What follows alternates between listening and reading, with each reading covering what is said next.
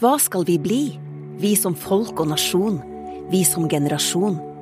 I ei tid full av utfordringer, men òg muligheter, la oss bli de som tok ansvar og styring, som skapte nye bransjer og næringer, som oppfylte håpet om bærekraftig vekst, som ville noe nytt, noe bedre, noe mer. NHH vil noe mer.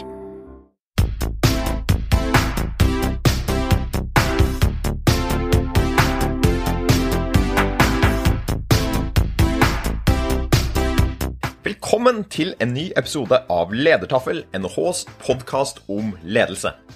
I denne podkasten kaster vi et blikk på aktuelle tema innen organisasjon og ledelse. Vi diskuterer hva forskningen sier, og vi kommer med noen av våre tanker om hva ledere kan gjøre annerledes for å lykkes der de er. Mitt navn er Marius Jones, og jeg er ph.d.-stipendiat her ved Norges handelshøyskole. I denne episoden snakker vi om mellomlederens rolle i endringsprosesser, og vi har med oss Monica Rydland, som er forsker ved Senter for næringslivsforskning og programdirektør ved NHH Executive. Vi snakker om vi kan erstatte mellomledelse med selvledelse, om vi kan beholde mellomlederen og samtidig ha kortere avstand mellom organisasjonens topp og bunn, hvilke roller mellomledere ofte tar i endringsprosesser, og hvordan mellomlederen kan fremme, men også kanskje hemme endring. Velkommen til en ny episode av Ledertaffel.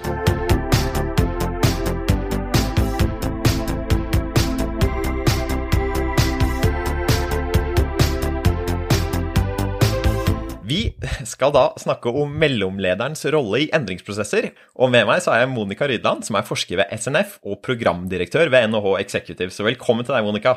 Tusen takk. Og så har jeg selvfølgelig med meg fast podkastmaker og prorektor på NHH, Therese Sveidrup. Velkommen til deg òg. Tusen takk, Marius. Vi eh, skal snakke om flere ting i dag, bl.a. hva en mellomleder er. Vi skal spørre litt om vi trenger mellomlederne i det hele tatt, og eh, om hva slags mellomledere eh, vi trenger. Men jeg tenkte vi kan starte først å definere litt hva vi egentlig skal snakke om her, da. Så hvis jeg spør deg, Monica, hva er egentlig en mellomleder? Hva svarer du da? Ja, altså En mellomleder det er jo en kategori av ledere som befinner seg på veldig ulike nivåer i organisasjoner. Det er alltid fra førstelinjeledere som har eh, ansatte som jobber direkte ut mot brukere og kunder, og til de som eh, rapporterer direkte opp til toppledelsen. Så det er jo veldig mange, og veldig mange ulike typer mellomledere. og de har ofte Altså den Merkelappen mellomledere den eh, finner du på ulike typer ledere i ulike kontekster, i store og små bedrifter, i offentlig og privat sektor. De er overalt, og det er jo jeg veldig glad for. Vi er veldig fine eh, ledere som har ansvar for å sikre omstilling og innovasjon. Jeg må jo skyte inn, eh, Monica. Jeg har jo kjent deg siden du begynte mm. å ta en doktorgrad her på, på mm. NHH. Og da var jo du veldig tydelig på at denne mellomlederrollen var veldig viktig for deg. Kan ikke du fortelle oss litt hvorfor det? Jo, altså jeg har jo vært mellomleder. Så jeg har jo blitt utsatt for alle disse strategiske endringene. Ja. Så gjennom, gjennom, ti år så var jeg mellomleder i finanssektoren. Og jeg opplevde jo at uh, toppledelsen de initierte mange, mange ulike typer endringer. Og de kom ikke sånn én og én, så du kunne ta deg god tid og en kopp kaffe og vurdere en og en endring. Men du blir utsatt for veldig mange parallelle, overlappende endringer. Og så skulle du håndtere disse endringene. Du skulle sikre at de ble iverksatt i egen enhet. Og du skulle ha et godt forhold til dine kolleger også, selvfølgelig. Jobbe tett sammen med de. Og samtidig så skulle du sikre daglig drift. Og så sier du at det er mange mellomledere, og at du er ganske glad for at, eh, at det faktisk er det. da. Eh, men der er det jo ikke alle som er enig med deg, ikke sant? Og, og det er jo noen som har på en måte kritisert dette med at det er så mange mellomledere. Eh, og det er jo noen argumenter for at mellomlederen faktisk er unødvendig, som folk har kommet med. Det ene er jo dette med at vi bør ha selvledelse heller mellomledere. Så vi har jo snakket litt om noe som ligner litt på dette argumentet her i bl.a. den første episoden, da, hvor vi snakket om den lederløse organisasjonen. Hvor vi på en måte mm. spurte kan ikke medarbeidere gjøre dette her selv, da, istedenfor å ha disse mellomlederne som skal ordne alle disse tingene. Um, og et annet argument da, som, som, henger litt sammen med det, er jo denne her tanken om at vi bør fjerne hierarki i organisasjoner. Så når det er langt mellom måte, toppen og bunnen i en organisasjon, så tar det lengre tid før man får gjort beslutninger. Eh, det er flere lag, på en måte alle disse her beskjedene fra både fra toppledere og fra de på bunnen må gå da, for at måte, man skal nå hverandre. Og at derfor å ta ut mellomlederne kan være en måte å gjøre dette hierarkiet litt flatere. da. Um, og så sier du da, Monica, at du mener fremtidens arbeidsliv bør løfte frem og utvikle mellomlederen, ikke plassere henne på museum. Um, hva er det som gjør at du tenker at disse argumentene mot mellomlederne ikke holder? Ja, altså jeg opplever vel, nå, nå tenker jeg kanskje veldig raust, men jeg tenker ikke at eh, det er nødvendigvis motargumenter mot mellomledere. Men at det kan tenkes at de Mm. argumentene de bygger mer på at eh, en grunnleggende antakelse om at mellomledere står i veien for innovasjon og omstilling. At de kan stå i veien for innovasjon og omstillingsevnen. Eh, Og da tenker jeg at eh, det er viktig å se mellomlederen sin rolle i den konteksten de opererer i. Eh, Der som jeg kommer fra, det som kaller meg, hva skal vi faktisk gjøre? Hva er job to be done? Som eh, vi òg vet eh, er viktig å ha et forhold til. Altså hva er de strategiske utfordringene jeg skal løse? Hvem er våre mellomledere? Og hva innsikt, ferdigheter, kompetanse trenger de? Og ofte når jeg snakker om mellomledere, så ber jeg folk tenke gjennom hva assosierer du med ordet mellomleder. Eh, Og da tenker kanskje folk Mm. eh, en del stygge, stygge tanker. Eh, Det er klart det er en del forskning som viser at mellomlederne har gjort og stått i veien i, i enkelte endringsprosesser. En skal ikke underslå. Eh, At de kan være motstandere mot endringer, at de kan være veldig opptatt av dagens praksis og sånn som vi eventuelt gjorde det før, før fusjonen med denne nabokommunen eller før fusjonen med eh, konkurrerende virksomhet. Eh, ja, før. Så de blir litt sånn før- eller fortidsorientert. Eh, Enkelte av de. Og så vil noen si at de har en verdi, men at det er minusfortegn. Vi må bare få de vekk. Som du sier, vi må bare flate, flate ut organisasjonen. Eh, De blir kontrollører som sitter innestengt på et kontor og, og sørger for at eh, de har direkte styring og kontrollerer andre sin arbeid. Og Hvis vi har den type tenkning om mellomledere, så er jeg helt enig. Da må vi få de vekk fortere enn overhodet mulig. Men det som blir viktig for meg, det er jeg ikke så veldig opptatt av tallet, men jeg er opptatt av rolle og rolleforståelse. og jeg er opptatt av at eh, mellomledere og toppledere tar inn over seg hva, hva kontekst er det vi står i som organisasjon, hva endringer er det vi blir truffet av, eh, og hvordan skal vi rigge til organisasjonen vår. Både på toppledergruppe, men òg mellomledernivå. Eh, Og strukturen må selvfølgelig være i henhold til den strategien vi skal ha, og måten vi skal jobbe sammen på må være formålstjenlig. Og Da blir det jo ofte et spørsmål om strategiske endringer. Og Det kan enten være at du skal bli veldig god på å gjøre det du allerede har gjort, altså innenfor eh, nåværende forretningsmodell, bli mer og mer effektiv, eller da at du skal utforske og utfordre det nye. Eh, Og Da trenger en jo i begge de dimensjonene, enten da å utnytte eksisterende ressurser eller utfordre det eksisterende, eh, og tenke radikal endring, så trenger en jo ansatte og ledere som evner å både styre seg selv og stille gode, grunnleggende spørsmål. Men disse mellomlederne de må ikke stå i veien. De må rett og slett åpne Mm. veien. Men jeg blir litt nysgjerrig, som du sier. For du, du har jo vært mye rundt og holdt foredrag, Monica. Det vet jeg. Mange som eh, har lyst til å ha deg til å snakke om din ekspertise på mellomlederrollen. Så jeg syns det er kjempefint for, eh, for deg og for NHH. Men hvorfor tror du at vi har disse negative konnotasjonene? Altså, Hvis jeg kan prøve meg på en hypotese, da. Sant? I, I gode gamle dager i mange bedrifter så var det sånn den som var faglig flink, ble rykket opp som leder. Altså, nå er det din tur. Sant? Nå har du vist at du kan gjøre jobben godt, så nå er det på tide at du tar litt lederansvar her. Er det, er det derfor at man i organisasjonssammenheng ikke har tatt lederrollen, mellomlederrollen nok på alvor, at de står i dette spennet mellom å være endringsorientert osv., at det bare mynter på en sånn faglig dyktighet som gjør at de blir leder, og så glemmer man litt å tenke på at nå skal de være en, en, en leder heller enn en fagperson. Altså, har du noen tanker om hva som gjør at vi har kall det negative assosiasjonene? Mm. Ja, altså jeg tror at En av de grunnene trekker du veldig godt opp nå. Sant? At det er den som er flinkest på faget som blir løftet opp, og så skal du plutselig bli leder. Og Så blir du gjerne veldig opptatt av å kontrollere, for det er jo det du er god på. Du er god på å utføre Mm. faget. Eh, og Det blir jo en veldig negativ eh, spiral som eh, gjør at du ikke får forløst den kunnskapen som er rundt deg. Eh, så det er jo et en av grunnene. Så tenker jeg En annen grunn, og det ser vi innenfor endringsledelsefaget. det er jo at endringsagentrollen, og den starta jo ut med da vi begynte å forske på hvem er de viktigste endringsagentene. De som både planlegger, og initierer og gjennomfører endring. Så, så trakk jeg fram topplederen. Det var de som var eh, de viktige. Så Gjerne med noen eksterne konsulenter som var inne, og så skulle dette rulles ut i organisasjoner. Og så tenker jeg gjerne at nei, men sånn tenker jo ikke ledere nå. Og så viser ganske nylig forskning fra 2015 at jo, mange toppledere tenker sånn. At det er de som er de viktigste, og, og de ruller det ut. Og de ruller ut endringene gjerne veldig fort. Eh, og da får du passive mellomledere som kanskje klamholder på sitt fag og sin enhet, i stand, i stand for å forstå hva betyr denne endringen for min enhet, og ikke minst hva betyr det for vår organisasjon eh, og vår bransje. Eh, altså forstå endringslandskapet, ta mellomledere inn og gå i dialog med dem for å igjen forløse den kraften som ligger der. Så, så det er nok både da måten en kjører gjennom iverksettingsprosesser på, og, og gjerne da at en har blitt løftet opp fordi en var god på fag, og så har ikke en rusta mellomledernivået godt nok i forhold til de ledelse Eh, den ledelseskompetansen de trenger. Når, når, vi bruker sånne, Hvis vi er i gang da, med å snakke om kanskje litt sånn et negativt bilde av mellomledere, så kan vi jo egentlig ikke komme unna dette begrepet med Glava-laget. på en måte At mellomlederne utgjør på en måte organisasjonens Glava-lag. Eh, og Vil du si litt om hva slags tanker når du gjør deg, Monica, når du hører den beskrivelsen? Er det, eller liksom først, hva, hva legges i den beskrivelsen? Hva er det vi mener med det, og er det noe i det?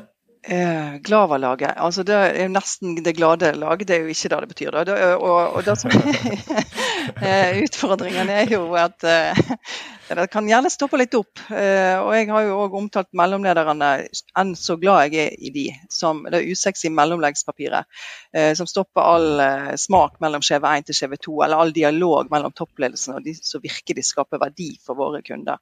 Så, så en er nødt til å for all del ikke bare lager seg et lag med struktur, men, men tar opp den rolla og får innsikt i hva betyr mellomlederrolla her i oss. Hva forventninger har vi til mellomlederne eh, hos oss, og hvordan kan vi løfte dem fram og utvikle den lederkompetansen de trenger for å stå i endring. For det, med endring er jo ikke noe som pleier å si Endring har jo kommet for å bli. Det er ikke noe som kommer én og én eh, endring, og så kan vi hvile oss og slappe godt av og legge oss ned på. Sånn er det jo ikke lenger. Eh, endringene kommer eh, hele veien.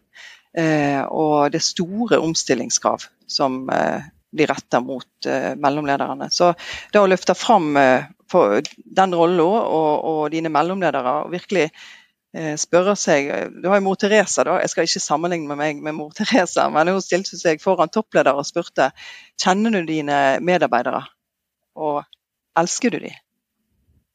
Og kjenner du dine mellomledere, og elsker du dem? Eh, og det er nok ikke alle som svarer ja på det spørsmålet. Noen har litt vondt i magen når de skal gå på avdelingsmøte og prøve å få liv i dem. Så for all del, jeg, jeg, ser at det er mange ulike grunner. Det kan jo òg gå på at du, du, holder veldig fast på eh, historisk måte å tenke mellomlederrolle på, som, som, Therese var inne på. Mm. Det er faget mitt, og det er min enhet, og jeg må passe på min enhet. Nei, jeg vet hva, jeg må løse opp, og en må lytte til andre for å forstå hele denne verdikjeden en er en del av. Eh, og med digitalisering og alle de mulighetene som eh, teknologier, så blir det bare mer og mer viktig da, å kunne eh, åpne opp øynene for kolleger, og ikke minst brukere og kundene sine behov. Altså, vi berørte jo i, i, forrige episode der vi dykket litt ned i to lederstiler, transformasjonsledelse og tjeneledelse. Så hadde vi Tom Georg Olsen med oss, Monica, som du også kjenner. Der han liksom sa hvordan han sjøl gjennom en erkjennelse av at du først er god på fag, og så når du blir en leder som begynner å ha et visst antall personer under deg, så er faget ditt ikke lenger, kall det ingeniørfaget, men det er ledelse som er faget. Mm. Og jeg tror det er en veldig viktig erkjennelse. Mm. Eh, og fra toppledernes side. Sant? At når de skal da eh, henvende seg nedover i mellomlederlagene, så, så er det noe med at OK, nå ser jeg på deg som ikke ingeniøren, men lederen, og det har noen tilhørende eh, forventninger eh, og, og, tankesett som gjør at når jeg sender deg en melding, så har jeg forventning om at du skal respondere på en viss måte. Mm. Så jeg tror det, du kan løse ganske mye ved å bare skifte hva som er ditt fokus, da, på hva mm. er ditt fag. Mm. Absolutt, og det er derfor jeg syns mellomledere har en utrolig spennende rolle. For de trenger så stort repertoar. For de trenger jo å forstå mm. sine fagfolk. Så da ha en faglig forankring kan være godt. At ikke du bare kommer inn der og så aner du ikke hva fagfolkene dine holder på med. Det som kunnskapsmedarbeiderne dine holder på med. Så da å kunne forstå sitt fag og kunne oversette både oppover i eh, systemet og, og nedover og utover i organisasjonen er utrolig viktig. Eh, og, og slippe til og, og gi slipp. Og Da er vi jo litt inne på dette her med eh, at vi kanskje ikke bare spør trenger vi mellomlederne eller ikke, men på en måte hva slags mellomledere er det vi trenger. da, Og der har jo du forsket ganske mye selv, Monica. Mm. Og du har jo sett da på, på, hvordan roller mellomledere ofte tar i endringsprosesser. Og beskriver da i doktoravhandlingen din hvordan det er på en måte fire roller da, som, som du ser at mellomledere tar. Og Vil du si litt om hvilke roller det er? Ja, altså mellomlederne er jo, hvis en bare tar litt overordna først da, i forhold til endring, så har mellomlederne tre, altså tre balanseoppgaver de må sikre. Og Det ene er jo at de må både endre seg sjøl og andre og det må ofte skje parallelt. Eh, og det andre er at de er veldig mange ulike interessenter å forholde seg til. Du har kunder, brukere, kollegaer, toppledere, ansatte, brukere. Eh, og i tillegg så har du denne balansen mellom drift og, og utvikling. Og så sier eh, mellomlederlitteraturen at mellomledere de gir alt dette i iverksetting eh, av endring. Når de skal iverksette endring, så gjør de alt. Så, så lurte jeg på ja, er det faktisk sånn at de gjør det. For og Gjennom min erfaring som var inne på innledningsvis, så, så opplevde jeg at mellomlederne tok roller som mellomleder veldig forskjellig. Eh, og jeg gikk da inn i en eh, finansinstitusjon og skulle finne ut av hva type rolle tar disse lederne i endring. Og Så fant jeg fire mm. roller, som du sier, Marius. og Den ene rollen det var markedsbeskytteren. Og Når jeg snakker til ledere i offentlig sektor, så kaller jeg ofte den brukerbeskytter. Det er ledere og mellomledere som er veldig opptatt av dagens praksis og dagens kunder. Så når, så når disse endringene pågår, så blir de opptatt av å ta vare på ta vare på markedsandeler, ta vare på kundene våre. Det er der verdiskapningen skjer. Eh, de snakker mm. ofte om at disse endringene er veldig små.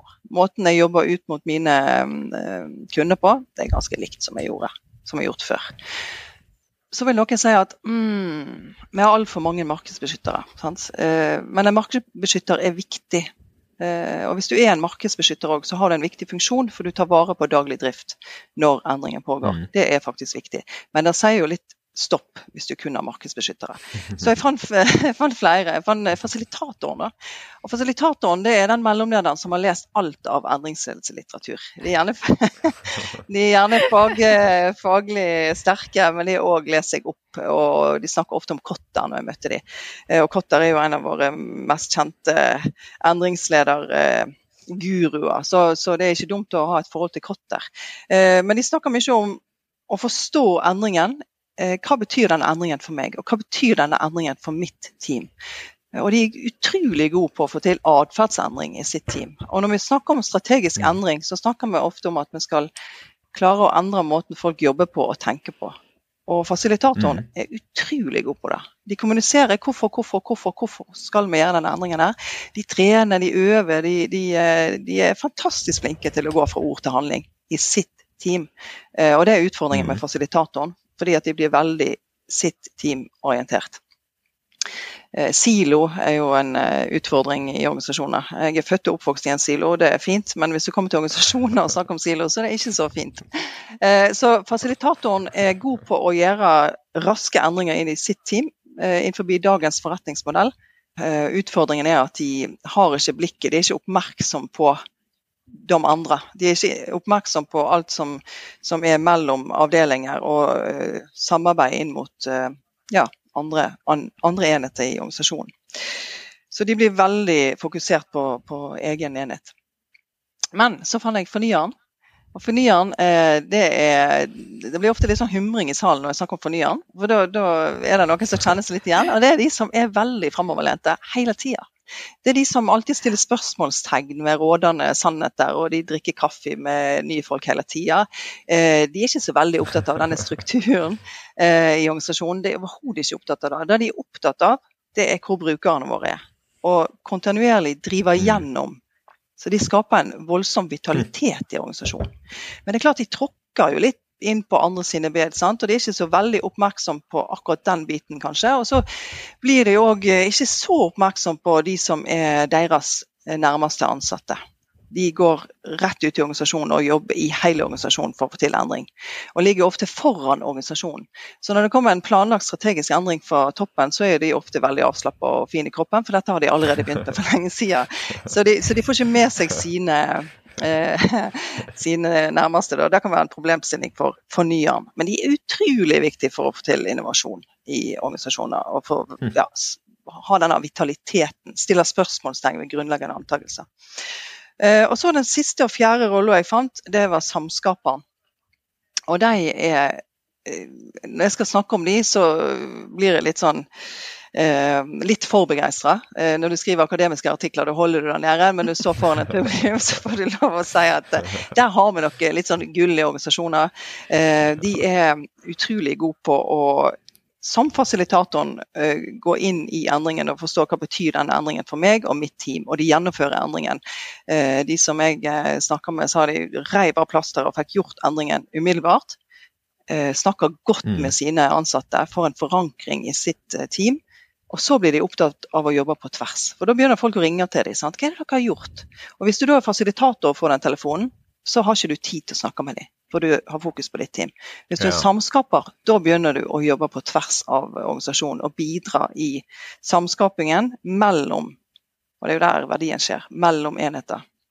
Uh, og de har et mye bredere rolleforståelse. Så uh, denne fornyeren og samskaperne er like i det at de har veldig brei rolleforståelse. Så skal du få til store, radikale endringer og tenke nytt, så, så trenger du de to eh, rolletypene i organisasjonen din òg.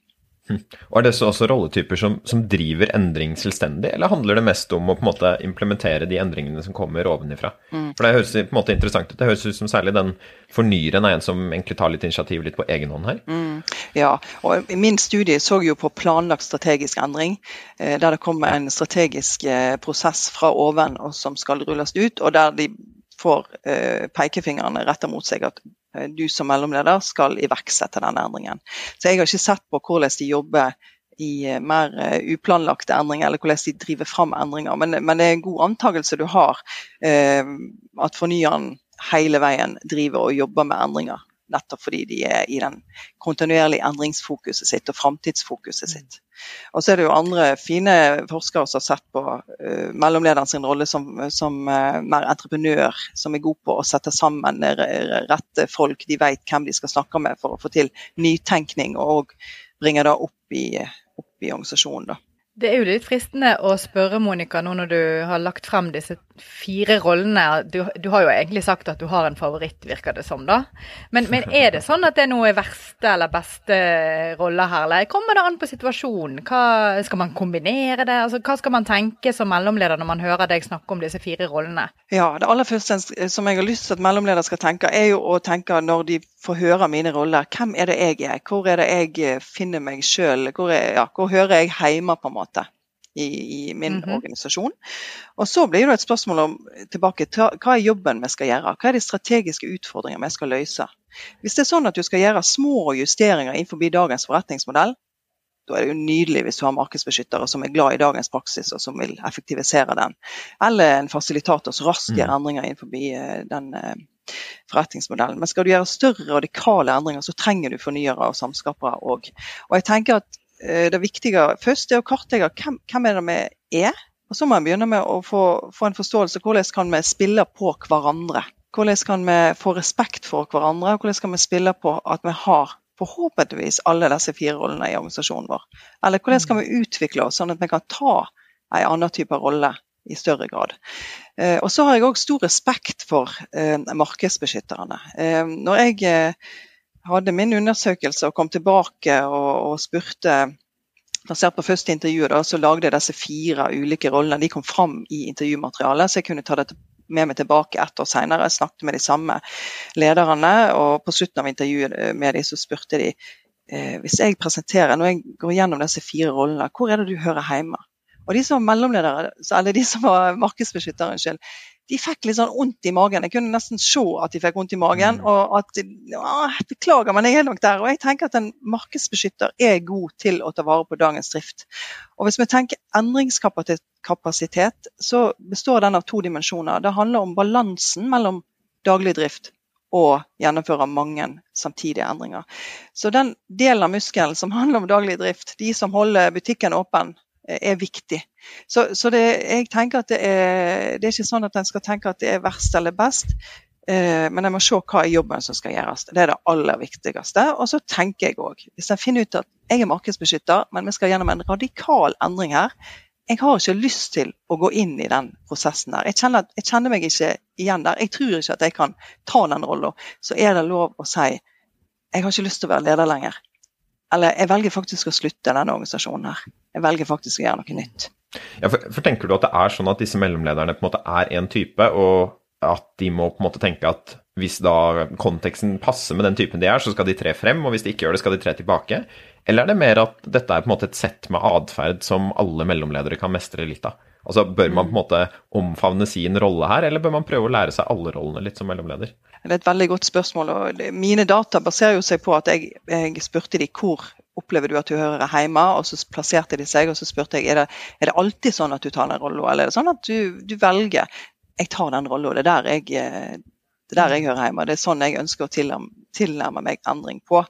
Uh, men jeg er jo òg opptatt av å ikke at folk skal på en måte få den der Der har vi markedsbeskytteren i vår organisasjon, eller der har vi fasilitatorene. Jeg tenker Det som er viktig, er å ha det som et utgangspunkt.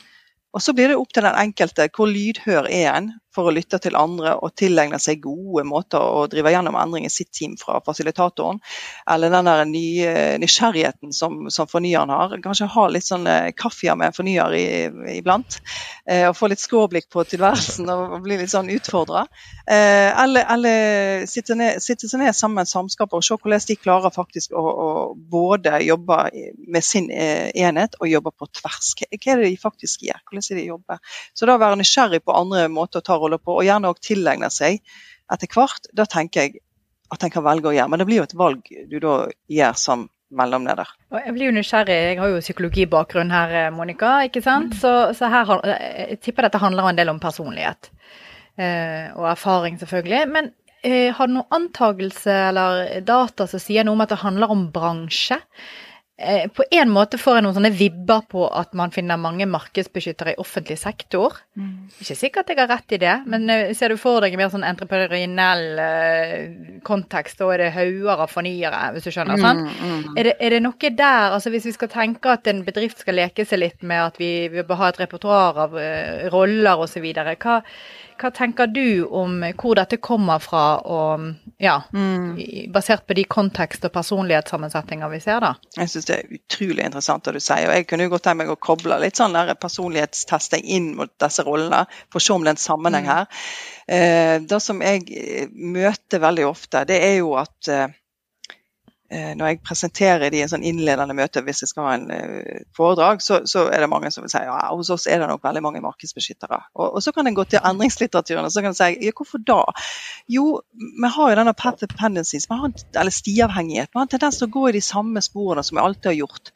Og hva er det som gjør det? Jo, vi blir lojale til dagens brukere, dagens praksis, dagens infrastruktur. Så herlig at vi har sånn svart skjerm og grønn skrift. Da blir det ekstra gøy å drive med digitalisering. så vi har noen sånne begrensninger, enten kulturelt eller infrastrukturmessig, som påvirker måten vi tenker på. Og Det kan òg påvirke måten vi tenker om oss sjøl som ledere på, eller måten vi tenker om våre mellomledere, altså endringsagenter, på. Eh, så, så, det er mange forhold som spiller inn her, tenker jeg. Og Så så jeg jo òg det med bransje, som du sier. Vi har jo òg en tendens til å tenke kanskje at, at offentlig sektor, der, der eh, der er det mange markedsbeskyttere. Men jeg sitter ikke med nok informasjon til å si at det er riktig.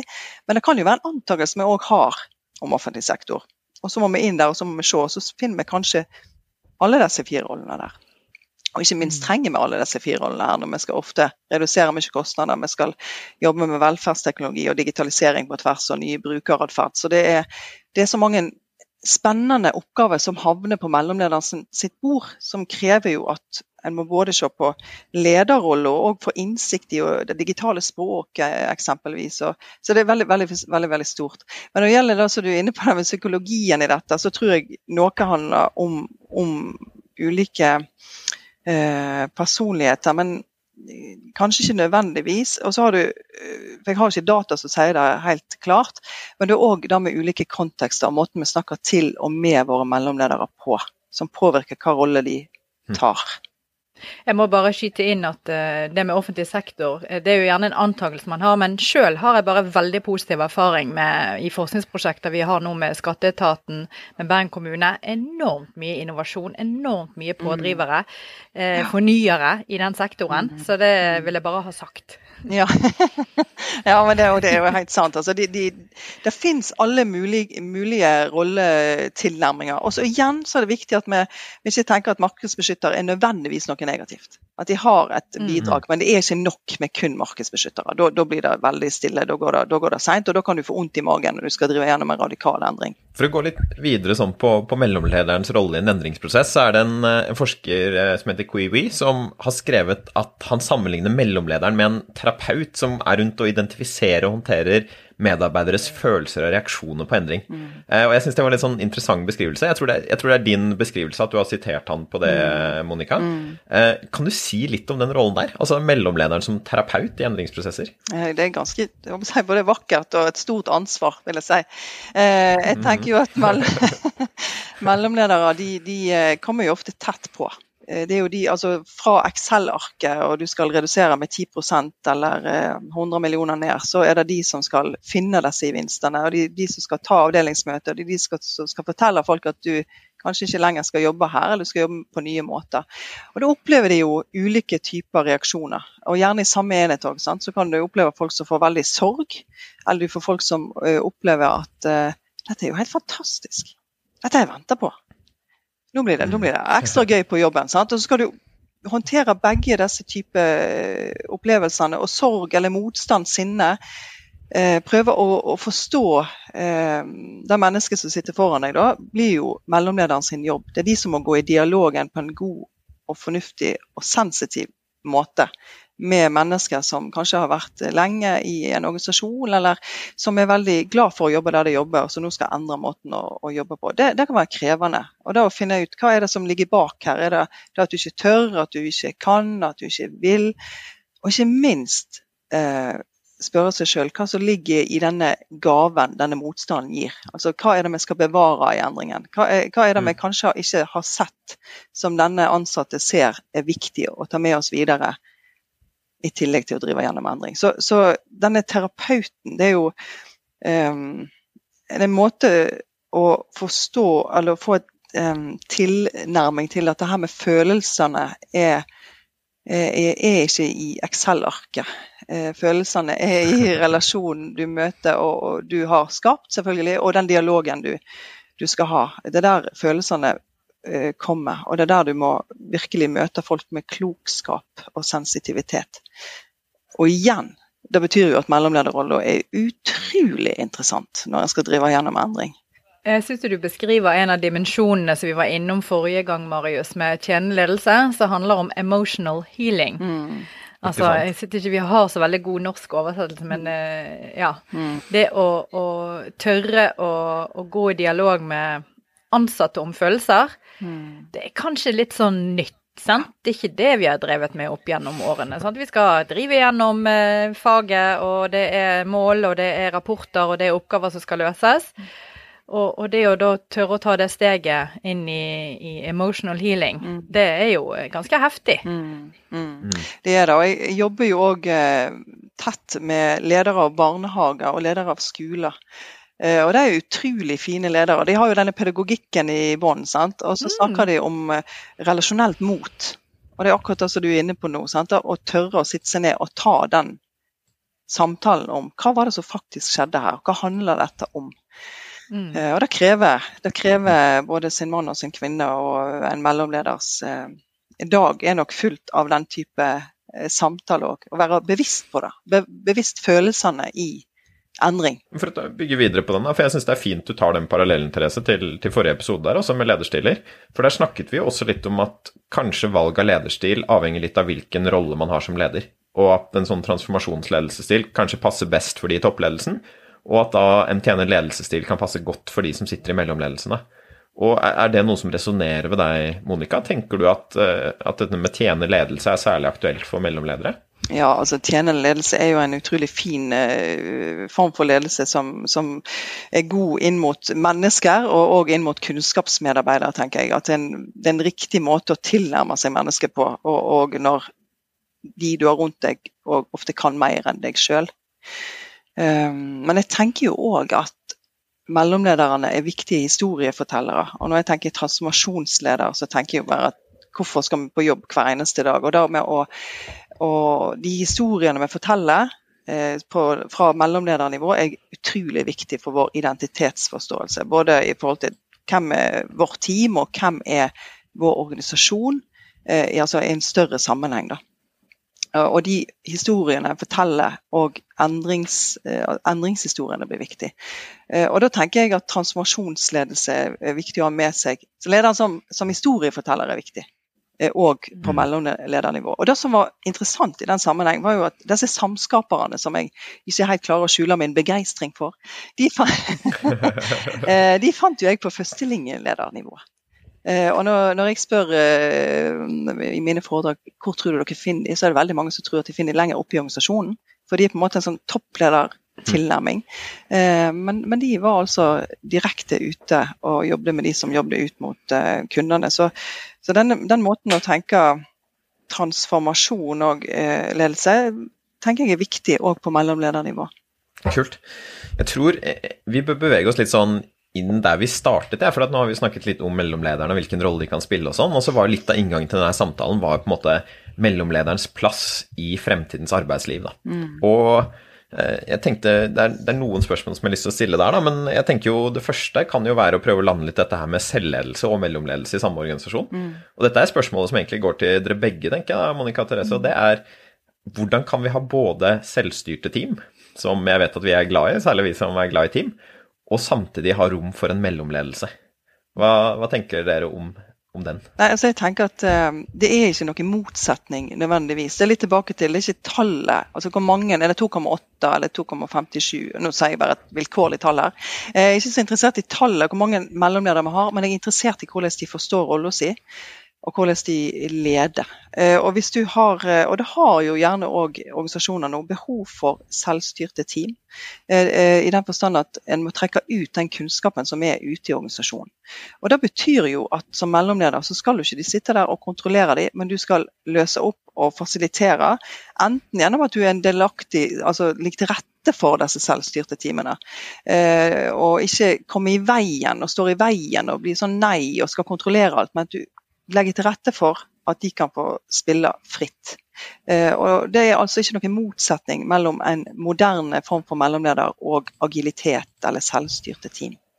Snarere tvert imot. Dette må henge sammen. For Hvis det ikke henger sammen, så vil de selvstyrte teamene få, få en dårlig dag på jobben. Og da vil òg mellomlederen som prøver å, å gå inn og, og, og um, stoppe prosesser som skal bare flyte fritt. Mm. Ja, Hvis jeg kan eh, supplere der, for jeg er jo veldig enig i det du sier der, eh, Monica. Til tross for at vi i vår første episode Marius, våget oss på å kaste lederne for å provosere litt, um, så er det jo nettopp det at du, du har noen aktiviteter som nødvendigvis de der selvstyrte teamene bør eh, slippe å holde på med. Ikke sant?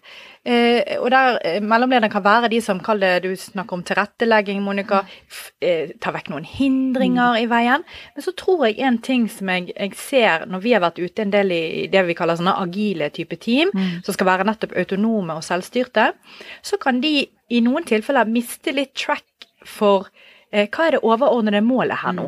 De blir veldig fokusert på sine mål her og nå, og så blir ikke det sydd sammen, kall det, i organisasjonen. Man vet ikke hva man holder på med på tvers osv. Og, så og da er det jo den der, om det er samskaperen eller, eller hvem det nå er i, i rollebildet ditt, Monica. Nå var jo du inne at det er radikal endring, nå snakker jeg kanskje om mer i en driftssituasjon så tror jeg den biten skal du bare ikke undervurdere i, i, liksom en, i en større organisasjon. Betydningen av å være med på et lag som er med på noe større enn bare det du holder på med på, i, i teamet ditt. Sant? Det er det ene. Eh, og så tenker jeg òg det der med sant? Hvorfor er ledere viktig? Hva, hva trenger vi de til? Vi har disse her kunnskapsarbeiderne som er sjøldrevne og forhåpentligvis har masse indre motivasjon. De liker jobben sin. Ja, hva skal vi med disse lederne da? Jo, men det er noe med den motivasjonsbiten likevel. Det at noen forteller historiene som du snakker om, Monica. Det at noen eh, viser deg at dette er en viktig organisasjon, eh, du er med på noe større enn deg sjøl, og vi trenger deg til denne reisen. Det er jo ingenting som er bedre enn det. sant? Og det er ikke alltid hver dag når vi står opp at vi ser det. sant? Så, så det at en leder ser deg, og, og din rolle i det, det tror jeg faktisk vi selv med godt utdannede mennesker, det er ingen som ikke liker det, i hvert fall. Å bli minnet på at de er viktige. Nei, for jeg tenkte den andre som, som både og her. for jeg snakket sånn, Ja, ok, det er, det er plass til på en måte mellomledere i en organisasjon som, som prøver å ha selvstyrte team også. Og så er neste spørsmål om hvordan kan det være plass til mellomledere i en organisasjon hvor vi prøver å ha en lavere pyramide? Altså at vi ønsker faktisk at det skal være tettere mellom toppledelse og de som er helt på fremste linje. Uh, og så tenker vi her at det kanskje er plass til mellomlederne i tillegg. Men hvordan er det det fungerer sammen? på en måte? Ja, altså jeg, jeg, tenker at jeg går inn i et sånt spørsmål med veldig sånn ydmyk begeistring. Uh, for jeg tenker at det som er viktig, det er at igjen at struktur er selvsagt viktig. Du har en strategi, du har noen strategiske utfordringer, og så må du rigge til organisasjonen din. Eh, og Da er det viktig at du ikke bare plasserer inn ledernivået bare for å plassere inn ledernivået, for at det ser fint ut på et kart som du kan presentere til noen, men at de som er på de ledernivåene har en funksjon, og at de forstår rollen sin som ledere som skal få andre til å spille godt. Jeg bruker veldig ofte dirigenten som eh, historieforteller, som samler alle disse kunnskapsrike medarbeiderne sine og musikerne, sånn at de får en felles retning. Eh, og de har òg sine prinsipper på de ulike eh, stemmene eller musikergruppene, som gjør at de kan få kraft i å få en samspillet til å fungere. Altså Du trenger noen gruppeledere da, som, som, har et ekstra ansvar, bl.a. så er Therese inne på å se den enkelte og jobbe med utviklingen av den enkelte musiker.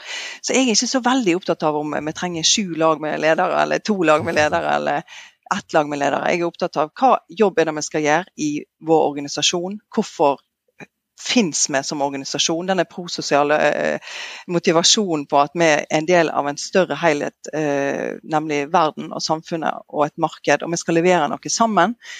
Og Så må vi finne ut hvordan vi skal rigge til eh, organisasjonen vår. Hva type endringer som er overfor. Skal vi, rigge, skal vi er vi en etablert organisasjon som skal gjøre endringer innenfor nåværende forretningsmodell, eller er det store, radikale endringer vi må gjøre? Og Ofte må vi tenke begge disse tankene samtidig.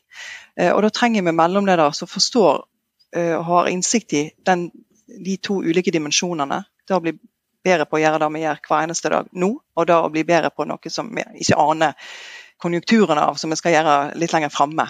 Uh, og det å forstå uh, organisasjonen og samspillet mellom disse to dimensjonene, ja, da trenger en mellomleder som kan ta rolla med innsikt og klokskap og ydmyk begeistring for sine kollegaer. tenker vi kan begynne å runde av der, ja. Hvis, eh, ja.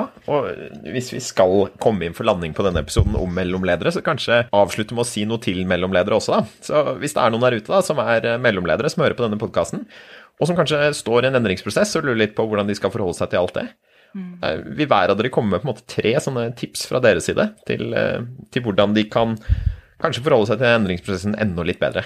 Ja, tre tips. Jeg tenker, Hva endringslandskap er det vi står i? Da virkelig forstå hva er det som treffer oss som organisasjon nå og litt lenger framme. Eh, og det andre jeg tenker, det er å ta et bevisst forhold til hva rolle skal jeg ta som endringsagent. Og Hvis jeg da kikker inn i disse fire ulike rollene, hvem er det jeg er i min organisasjon, og er det formålstjenlig? Eller er det noen jeg må lytte mer til for å virkelig ta rolla på en klok måte? Eh, og så tenker jeg at en skal være, ta ned skuldrene være undrende til endringene og tenke jeg, jeg alene ikke vite alt bra. Hvis du tenker det, så er det veldig bra. Bruk eh, organisasjonen, dine medarbeidere, dine kolleger, og senk skuldrene og vær mer undrende til hvordan skal vi gå inn i dette sammen. Eh, og bygge disse psykologiske, trygge arenaene og bidra konstruktivt igjen med lave skuldre. Da tror jeg en kan eh, nå veldig langt i endringen sammen. Kult, takk. Har du noen punkter å legge til, Therese? Jeg tror jeg vil gjenta det jeg sa i sted om at når du da er kommet på det nivået som du er nå, som mellomleder, så er det jo faget ditt ledelse. Hva innenfor faget ledelse eh, trenger du å, å, lese deg opp på og bli nysgjerrig på for at du skal eh, føle deg trygg og god i rollen? Og gå til din leder over der igjen og be om hjelp til utvikling. Om du nå tar etterutdanning, kursing, coaching osv.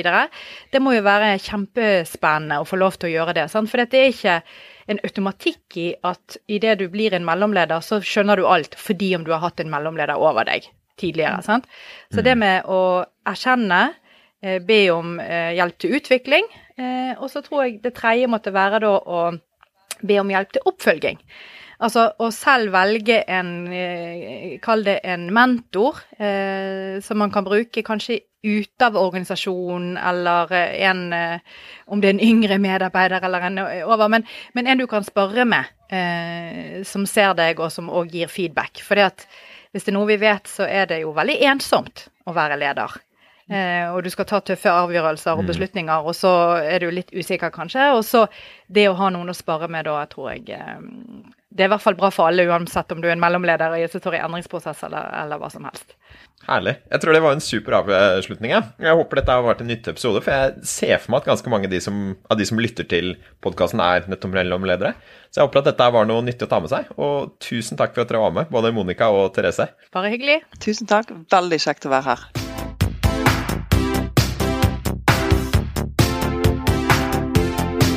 Har nå hørt en ny episode av Ledertaffel, NHHs podkast om ledelse. I studio i dag var Monica Rydland, Therese Sverdrup og meg, Marius Jones.